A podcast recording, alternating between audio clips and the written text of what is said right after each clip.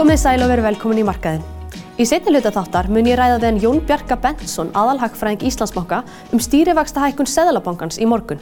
En fyrst mun hann Helgi Vívill, blaðamára á markaðinum, ræða við hann Sigur Brynjar Pálsson, forstjóra Bíkó, um stöðuna á byggingamarkaði. Takk að kella fyrir, Magdalena. Sigur Brynjar Pálsson, forstjóri Bíkó, takk fyrir að koma til okkar í Viðdal. Já, mín er ánæginn. Hvernig er staðan í, á byggingageirlanum um þessa myndir? Staðan er bara mjög góð og, og, og það er mikið um að vera og mikið framkvæmdum. E, verkefnastaðan er bara mjög góð, verkefnabókin. Þannig að, að eins, og, eins og maður heyrir frá okkar viðskiptavinnum að, að, að þá er svona rauðið þráður hjá þeim, þá er að tala um fagaðilenna, mm -hmm. að, hafa, að þau hafa sjaldan síðans langt fram í tíman og núna, þannig að það er bara mjög ánægilegt. Hverju þakka er það, veistu það? Það eru margið þættir sko, það eru öll ekki við umræðanum íbúðamarkaðin, íbúða, hérna, íbúða þörfina, við erum líka að sjá það sem að ríkistjórnin eh, lagði upp með á COVID-tímanu, það er að segja innviða fjárhastingar, það er að skilja sér út á markaði núna eftir að fara í gegnum útbúsferðli og hönnuferðli. Þannig að, að það er bara á öllum vikstöfum, bæði samgöngumólum, stærri mannvirkjum, íbúðabyggingum, mikið um að vera. Mm -hmm. Já, þú mæntilega er skræmt erfitt þá fyrir hefðbundna verktaka að fá lóðir, allavega svona svona umræðinni. Já, það, það, er, það er umræðan sem er búin að vera í ansi mörg ár og og satt per se hef ég aldrei alveg skilið hana og ég hef aldrei skilið það akkur byggingavörumarkana þarf að vera svona sveiflukendur og svona hefur verið í, alveg frá því ég kom að honum og, og lengra síðan. E, menn kastar svolítið boltan á þarna milli sín. E, ég heyri það sem verðtakarnir segja við mig og, og, og ég er mörguleitið sammála því að mér finnst vanta þarna ákveðna fyrirhíkju og menn sveitafélagin horfið lengra fram á veginn og deiliskeipilegi lóðir Þetta er ákveðin stefna líka eins og Reykjavík borg með þettingareitina að hefur haft áhrif á loða frambúð. Þannig að, að það er svona ímsar ástæður. Mér finnst samt sem áður eh, boltan að vera svolítið kasta á milli og Reykjavík borg tala núna um að, að bankarnir væri ekki að lána fyrir. Það væri hlut af takmarkandi þætti. Mm -hmm. e, svo verist ekki vera samkvæmt því sem kemur frá bankunum þannig að e, eftirspurnindi staðar og það er, það er þáttu sem að öll sjáum að það vantar íbúður á markað og það vantar íbúður fyrir fyrstuköpundur, það vantar fleiri valkosti. Það eru bara starrendir og við vitum það líka að út frá gögnum að, að við getum sagt með nokkur góður vissu hver íbúð þróun kemur til að vera næstu 20, 30, 40 árin. Og við vitum þar alveg hvað þarf að byggja mikið á hverja ári til þess að viðhalda jafnvægi á markaði. Og þetta eru gögn sem eru áraðanleg en, en einhverju leiti, einhverju leiti hefur ekki verið að, að horfa til þeirra. Og við erum að byggja á lítið sem frangallar, frangallar ójapæja markaði mm -hmm. meðal annars í, í, í verði það sem frambúða eftirspilsn er ekki að fara saman mm -hmm. þannig ég kalla svolítið eftir því að menn taki svolítið á þessu og deiluskipilegi lóðir og útlítur lóðum en á samarskapi sjáum við þessa þróun að að jáðar sveitafélugin eins og Suðunisinn, eh, Selfors, Hveragerði, Akarnes er að njóta vissuleiti eh, góður að áhrifa af þessari stefnu til að mynda Reykjavíkuborgar. Því við sjáum hvað er að gerast í þessu sveitafélugum, það er mikil uppbygging, það eru loður til e, rástöfunar og þanga er fólk að flytjast. Eru bæjarbúar semst að fólk af höfuborgarsvæðin að flytjast yfir þessi sveiði? Já, já, það, það er bara að gerast og, og það er bara góður valkostur vegna þess að á sama tíma við erum að sjá samgöngukerfið alltaf vera betra og betra og við erum að sjá hagkvæmur í bíla í, í orkuskiptum þannig að, að það er ekkit, ekkit tiltökumál að, að ferðast 30 mínútur, 40 mínútur til að fóra vinnu og síðan kemur þetta fjárvinnu möguleikin ofan á dalt saman. Mm. Þannig að það er í mínum huga bara skýr og, og góður valkostur. Aðöru, þá árið 2020, það var svona, það var sérstaklega gott ár fyrir byggingaveruverslanir vegna þess að heimilinn fóru svona nýttu tækifæri í COVID og, og bættu, betur en bættu það, fegruð heimilinn. Hvernig líkur það árið 2021 svona? Já, rétt sem þú segir, 2020 var mjög, mjög lærdómsvíkt ár og mjög áhugavert ár vegna þess að, að, að ég kem örstuðt af því að, að sko okkar, við þekkjum það mjög vel að leið og einhver óvisa kemur fram að þá heldur fólk að sér höndum og við áttum svo sannlega vona því þegar COVID fréttir fór að berast mm -hmm. en hér gagstæði gerist og, og eftir að higgja var það bara eðlegt vegna þess að það hafa búið þrengja svo mikið að fólki, hvað var þar valkosti ferðalögum voru ekki lengur eh, valkostur, leikús, út á veitingastæðar og svo framvegs. Þannig að fólk eh, fór að fegra heimilið og, og, og búa betur og, það er e, svona, hvað við segja, trend sem að, mjög margir eru sammála um að muni festa svolítið í sessi að heimilin verða mikilvægari og eru mikilvægari staður í dag í huga fólks heldur var fyrir COVID.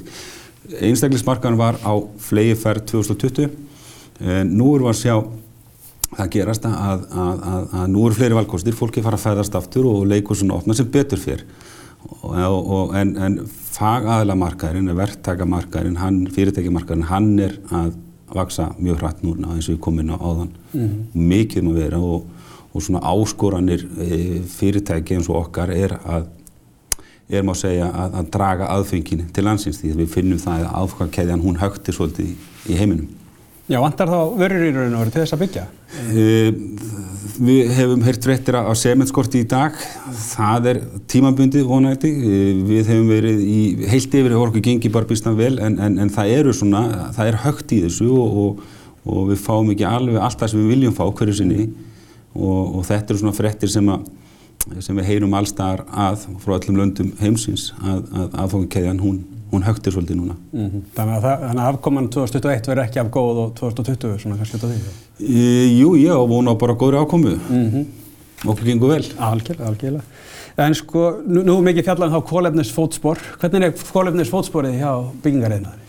Kólefnisfótspor í byggingarreinaðari, þetta er frábær spurning og ég rána á að spyrja þessa spurninga vegna þess að, að ég hef verið að tala fyrir því og það sem ég hef komið fram að, að, að kastljósið er alltaf beinst meira og minna að svo nesluvörunni en, en ef við fyrir aftur í gögnina að, þá stendur byggingar innar undir rúmlega 30% af öllu kólumspori heimsins.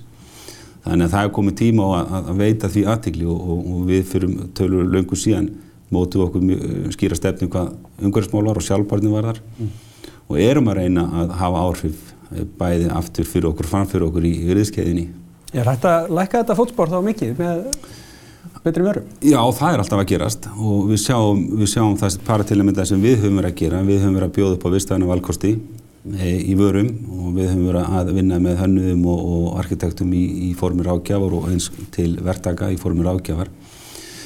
Þetta er ekki, sko, vörurnar er eitt þáttur í þessu öllu saman og, og skiptir vissulega miklu máli. Við sjáum hvað hérna, steipuframlegundur er að gera. Þeir eru að, er, er að þróa umhverfisvætni steipu og steipa er svona það helsta stóra byggingarefni okkar hér í Íslandi þó að aukning og timbri sé, þess að það er vaksandi eftir, eftir timbri í byggingar. Þannig að það eru allir framlegundur, uh, byrjar meðvitar um mikilvægi umhverfismála þegar kemur að vörum og, og þar erum við líka og við höfum, höfum tekið bara stór skrif þarna í að byrta vistvæna valkosti þegar kemur að veru vali. Mm. Vestlunarhættir hafa verið að breytast mikið. Svona. Hvað hafið þið verið að gera svona undanfarsnu til þess að færa félagi nær nútíma árum? Já, verslunarhættir, þetta er nú, það er stór spurninga, ég það nú bara svolítið langa tíma til að fara í gegnum hana, að, að jú, öll þekkju við áhrif af tækniframförum, við hefum heyrt, neytenda hefum verið að breytast, kauphöðunum að vera að breytast, Eh, neytendur í dag og framtíðan muni gera meiri kröfu til fyrirtæki hvernig þau standa að umhverfismálum, hvernig þau standa að samfélagslegum málum, samfélagsleira ábyrð. E, viðskiptafinu í dag, þetta er ekkert eitthvað fyrirsjálega breytingar, þetta er bara orðnar og það er ákveðin svona kynslu og skipti í þessu. COVID hefur haft þau áhrif að, að, að, að það hefur verið svona ákveðin já, hvað að segja, bara turbospröyta inn í stafran og þróun inn í alla aldurshópa mm. og það sjáum við mjög vel að, að, að fyrir COVID að þá var svona stafran þróun meira í, hjá þessari sko, svo kallari X-kynslu en nú sjáum við þetta komið inn í alla aldurshópa sem að ítir enn freka við vestlun og þjónustu að hraða þessar starfanum framþróun. Hvað er það að gera innan til að hjá ykkur? Það er mjög margt, sko, neytandin og viðskiptavinnun, hann vil einfalda lífsitt hann vil geta nálgast vörur og þjónustu uh, sem hendar honum best hverju sinni, hvort sem það er í gegnum e, vefverslun, í gegnum verslunum sjálfa, í gegnum vefspjall, í gegnum síma, hvernig sem það er og það er áskonum fyrirtæki að, að, að mæta viðskiptunum þar sem hann vil mæta okkur og við sem uppfylla hans þarfir e, eins og hann óskar eftir hverju sinni. Það er að segja, hann vil hafa þetta bara einfalt. Mm -hmm. Okay. Við erum auðvitað í stafræntni vegferð og, og, og mikið á okkur þjónustu frambóð er komið á stafrænt form eins og, eins og all, all, all, ráð, all ráðgjafa formatun okkar eins og landslagsarkitekt, pallaráðgjöf, málingi á litaráðgjöf, mm -hmm. innrættingar, eldús og bað er komið á stafrænt form. E, við erum auðvitað flegi ferði í vefðurslunum okkar og, og, og, og svona á næstu, næstu missurum um byrtast mjög skemmtilega lusni sem við erum með á tegnaborðinu. Vefðverslun hefur eitthvað gert, uh, verslun er landamæra lausar, finnir þið ekki fyrir því þá eða? þegar maður getur verslað á hver sem er í heiminum? Já, það er, það er ein, eina stóru breytingunum í verslunum þjónustu að, að, að, að það er ekki lengur landamæri og, og samkeppnisumhverfið er allur heimurinn. Það er ekkert lengur þannig að við skilgreinum okkar sanginsaðal okkar keppinu þetta út fyrir eh, landamæri Íslands. Þannig að, að, að það er það sem hefur gert að vefverslana það, það, það er ekki landamæri lengur, fólk getur keift vörur með einföldum hætti hvar og hvernig sem er. Og hvernig er það að keppa við þessa stóru risa erlendis? Það er bara heilmikil áskorun og, og, og það snýr að þessu virði sem við komum inn á þann, þessu heildar virði viðskiptafnins. Að, að varan, verðið, uppilöfun, e, þjónustan, gæðin og svo framvegis. Þessi samanlagt, samanlagt, samanlagt heildar virði sem við erum að... Mm. Já, þannig að þeir eru ekki bara að keppa verðið mjög raun og verið? Geta... Nei, þetta snýst um miklu meira en það sko. Já, það verður. Þú er nú búin að vera lengi hjá Bíkó og tengdum fyrirtækjum, er, er það ekki? Jú, það, tímin er, er mjög fluttur að liða, hann, það eru komið 20 ár og, og þegar ég kom upp úr, upp úr háskólanum þá var eins og kannski margir aðri, hefur sér kannski 2-3 ár og, og fara á svið framhalsnám og, og eitthvað svo framins, en þetta er bara búin svo skemmtilega vegferða og fjölbreytt starf og frábær vinnustæðar að, að ég á meðan mann líður vel og hefur gafnaði sem maður að gera þá er maður þar. Hvert var fyrsta starfið? Ég kom inn í Bíkó inn, inn á, á innkaupa deild, innkaupa svið sem það hétt þá og sem hérna svona, bæði í innkaupum og í byrðastýringu og, og, og var í því og svo fór ég yfir í vörúsastar sem hann alltaf tók yfir henni, tók, tók við henni og, og svo í framaldi þá svona ógst það og mjög skemmtilegt verkefni sem að sem að ég innleti og sett á lakirna var, var vöruhótel sem heitir Bakkin vöruhótel mm. og það var klófið frá Bíkó sem bara þannig að sjálfstæð eining með það markmið að, að, að byrta og draga fram byrjarhalskostnaði, gera hann sínilegri og nota það sem stjórntæki. Og svo fór ég aftur inn til Bíkó sem frangatastjóri vörustjórnuna Sviðs og, og svíðin þetta hlutur hvostira frá 2014. Takk að kella fyrir kominaði þáttinn. Í næsta hluta verður rætt við Jón Bergar Bentsson, aðalhagfræðing Íslandsbanka um stýravaksta hækkununa í morgun.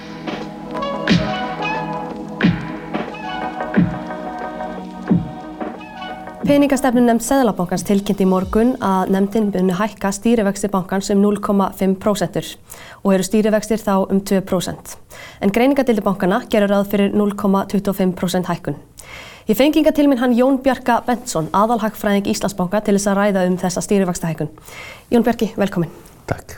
Hérna, nú var Seðlabankin að hækka stýrivexti um 50 púnta. Hvernig horfur þessi hækkun við þér?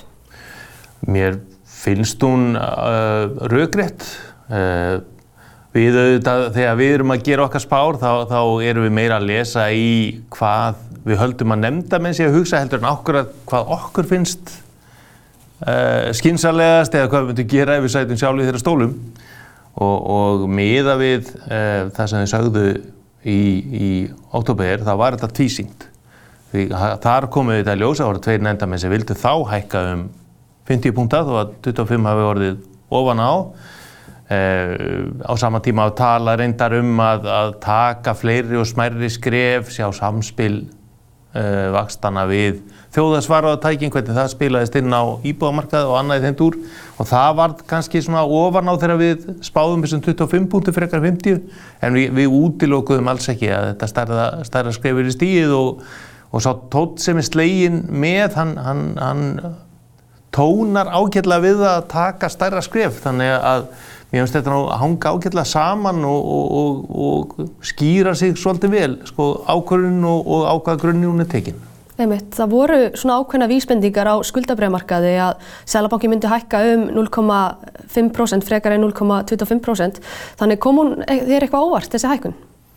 Í raunin ekki þegar maður horfið á það. Eh, eins og það sko svona væntingametlar voru svolítið sitt á hvað við fengum til dæmis niðurstöður og endinga könnun sem var gerð bara núna rétt fyrir ákvörðuna og byrt á mikludagin var. Og þar uh, var miðgildi svara og svarendurnir eru sérfræðingar af fjármálamarkaði. Sumpart það sama fólk sem verðleikur brefin sem að, veist, við lesum svo þessar vastafæntingar í stíðum úrstalum Þar, þar var miðgildi svara óbreytti vextir. Það hefur eitthvað verið, eitthvað verið skringileg stemningin hjá, hjá hérna, svaratum mínsari könnu því því að eins og á daginn þá var verðlagningin, hún endur speiklað miklu betur hérna raunverulegu væntingar. Þannig að, að jú, það, hérna, væntingarna voru svolítið kannski breyðbíli líka út af þessu ósætti sem hafi verið í nefndinu þarna uh, mánuðina undan Þannig en, en aftur, mér finnst þetta alls ekki óðurlega ákvörðun og, og hérna og áframhald á þeirri stefnum sem var markað, sem var mörguð einlega strax í vor. Akkur er stegbankin þetta skref? Þau hafa auðvitað áhugjur af uh, vaksandi verðbólgu og því að verðbólgu þrýstíkurinn hafi verið slítið lát vera á honum eins en komið er. Hann er að koma úr ýmsum áttum. Við erum auðvitað með innflutta verðbóku, við erum með, með, með svolítið hraða hækkun á, á innfluttu vörum og flutningskostnaði. Þau hafa kannski samt ekki mestar ágjörð því. Meiri áhyggjur hafa þau af húsnæðismarkaði það sem að, að verð hækkuninn er ennþá í mjög hröðum takti og ekki ennþá alveg fyrir séð hvernig það muni hægja. Þar getur Sælabankin sannlega hatt mikil áhrif og svo er undir kannski þessum tveimur þáttum sem hafa verið mest áberandi eru svo fleiri Eh, þrýstingsþættir. Við erum að sjá launhækka allrætt og við erum að sjá það byrtast í til dæmis uh, hærri verði á, á þjónustu og, og eins og kom frá fundinu hjá þeim þá eru alls konar mismunandi mælikvarar á verðbólku og verðbólku þrýsting þeim ber öllum saman um að, að verðbólka sé og verðbólku þrýstingu sé meiri heldur en heppilegt væri. Uh, hvaða svona áhrif telur þau að þessi stýrivaksækun muni koma til með að hafa? Já, þau verður auðvitað markætt uh, fyrir, fyrir íbúamarkaðinn þá verður forvöld að sjá hvort að uh, þessi hækkun sérstaklega í samspili við aftur þessi þjóðarsvaratæki það sem hafa sett þak á, á hámark greiðslubyrði uh, af lánu sem hlutallar ástöðundækjum og eins reyndar hérna, hámark láns fjár hlutvals, það er að segja hámarslán sem hlutall af, af kaupverði. Hvernig þetta allt muni spila saman. Þetta getur, þetta verður ekki að því að virðist aftur en telljandi áhrif eins og komið er á íbúamarkaði en, en það gæti gert svolítið hratt og það getur verið með eitthvað nýja þar sem þetta færi að, að, að sparka svolítið hratt inn. Og svo eru þetta svona þessi venjulegu, venjulegu leiðir sem að peningastöfnun á að hafa áhrif, hún á að, að stiðja við gengið, hún á að hvetja til meiri spartnaðar og, og minni neyslu og fjárfestingar í, í nútíð þar á móti svona breyta svolítið fjárstykar ákvörðun fyrirtækja og, og, og gera bæði fólk og fyrirtæki svolítið varkárar og varar um sig um, um uh, fjárútláti í næstu framtíð. Nú er þessi og síðustu stýrivaksnækarnir tilkomnar vegna þess að húsnæðisliðurinn er inni í verbulgumarkmiði Sælabankans. Uh, væri til bókt að taka hann út?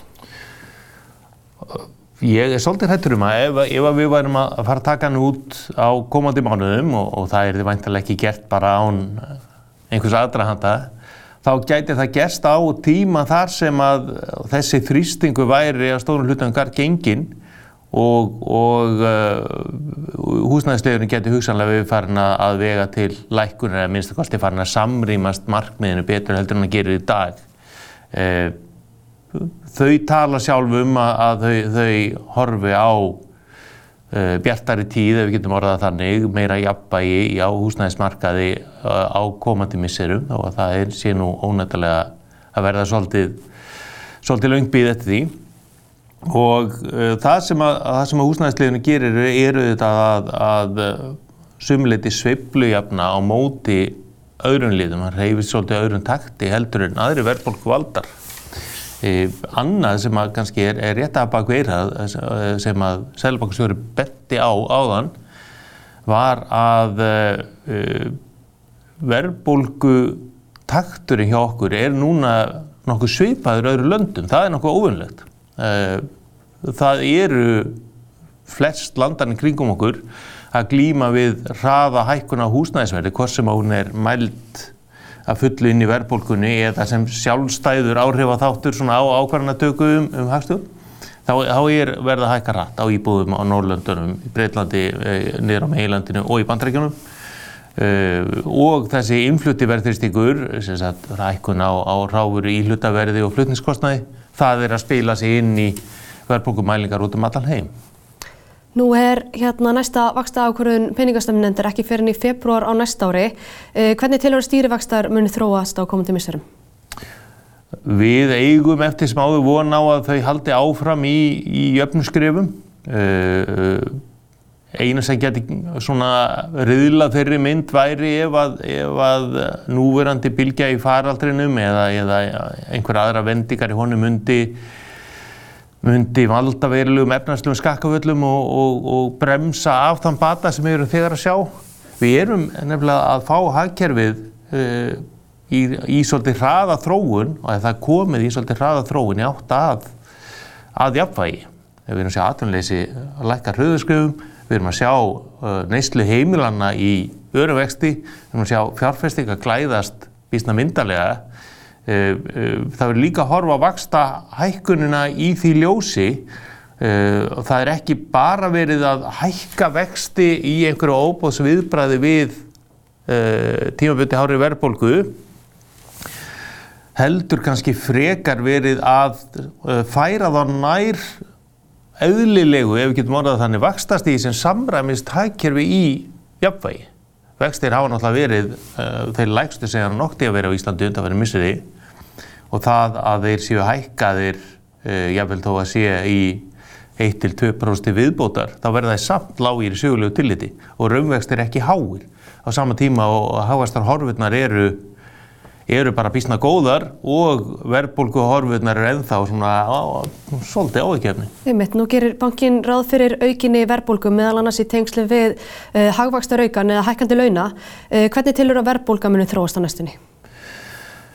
Hún er líklega ekki búin að toppa ennþá. Okkar verðbólkuspá gerir ráð fyrir uh, hámarki verðbólku kúsins núna í kringum áramótin Uh, og, og við sjáum hann að fara í hæst í 5,4% sem er þá tæpri próstu hærra en hún, hún hefur verið að mælast uh, en í kjölfarið þá gerum við eins og Sælabankin gerir sjálfur ráð fyrir að, að verðbólka sígi að nýju að við erum að fara að fá styrkingu krónunar á næsta ári ef, ef ekki stórkoslegt gerist. Það, það er okkar, okkar spá. Einfallega af því að, að gjaldaris innflæði er að fara að auka ströðaskriðum það er fljótt að slá á uh, innflutu verðbólguna. Uh, sér í lagi ef að, að svo verður hún stöðvast eða ég vil fyrir að ganga tilbaka þar að segja að uh, vöruverðshækkanir sem verður kannski sumpart drifnar að tímabundum skorti eða, eða svona nögrum í, í aðfangakeðunni þegar það lagast þá, þá getur verðið á þeim vöru hæglega að lækka á nýja leik þannig að það getur hjálpað og við erum auðvitað á sama tíma að gera ráðfyrir að, að bæði meira frambóð og þessar vakstaðgerir Sælabankans slái á þessar hröðu hækkun uh, íbávers sem við hefur. Allt þetta hjálpast af við að ná verðbúrtakturinn niður. Það sem við höfum áhyggjur af þegar aðeins er hótt lengra á því tíman er launathróunin. Mm -hmm. Einmitt. Hérna nú hafi verið miklar hækkanir á fastegnamarka undanfærið eins og þú nefndir. Uh, hvernig telur að húsnæðismarkarum muni þróast á næstu missurum? Það er auðvitað orðin svolítið, svolítið svona lung og, og erfið þessi byggð eftir eh, að, að, að verðtakturinn hægi og við fengum nýja mælingu frá, uh, frá þjóðskrápar í gær sem að sýnir yfir 1% stækkunum viljum ánað á, á verði á höfbóksvæðinu. Þannig enn eru því miður engin merki um að, að vaksta hækkanirnar eða annað sé farið að slá á, á verðfrónu þar. En, en eins og ég nefndi á þann sem þetta sambland af, af horfum um ekki frambóð uh, og, og að slegi verði á eftirspunna hliðina með hærri vöxtum og, og kannski þrengt eitthvað meira að lánskjörunum eins og með þjóðsvarðartækjunum að þá gerum við ráð fyrir að það hægi jæmt og þétt á uh, íbúðaverðshækkurinni þegar kemur fram að næsta ár og, og annarkvort á setni hluta næsta ási eða í síðasta lagi á þannast ári þá verði þessi verðtaktur á íbúamarkaði orðin bara það sem við þekkjum svona á langtíma samenginu. Eitthvað aðeins herri heldur en verðbólgan en ekkert sem að, sem að hefur uh, veruleg áhrif á kaupgetuna eða á verðbólkuna sjálfa. Einmitt, kannski örstuð í lokin, það var ekki aðeins vaksta ákvörðun sem við tilkynni í morgun, það var einni útgáfa peningamála. Hvað var svona helsta sem kom fram þar?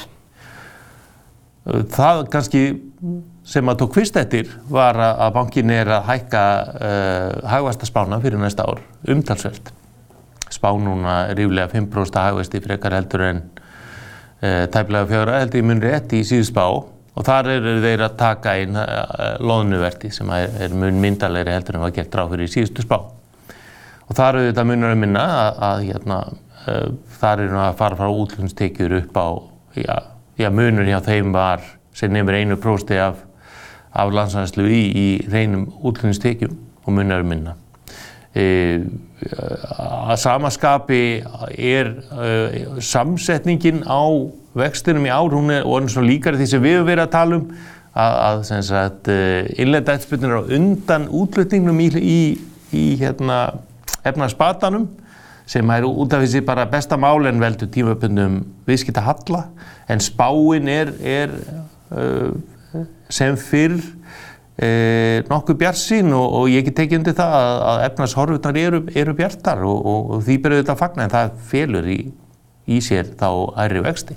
Einmitt, Jón Bjarki, þakka að kæla fyrir komuna. Takk fyrir mig. Markaður er ekki lengur í dag en ég vil minna ykkur á vefin okkar markaðurum.is þar sem allar helstu viðskiptafrettir komin. Við sjáum svo aftur klukkan 7 hér á Ringbröð að vikuleginni. Verið sæl.